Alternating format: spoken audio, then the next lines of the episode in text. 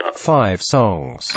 Eagles of Death Metal. Hello, I am Boots Electric from the Eagles of Death Metal. One, two, three, four, five songs. 1. I must have superpowers. Rap 225,000 hours. And I feel like I have superpowers, so I really relate to this song. I have a cape too, so I'm really close to superpower stuff. 2.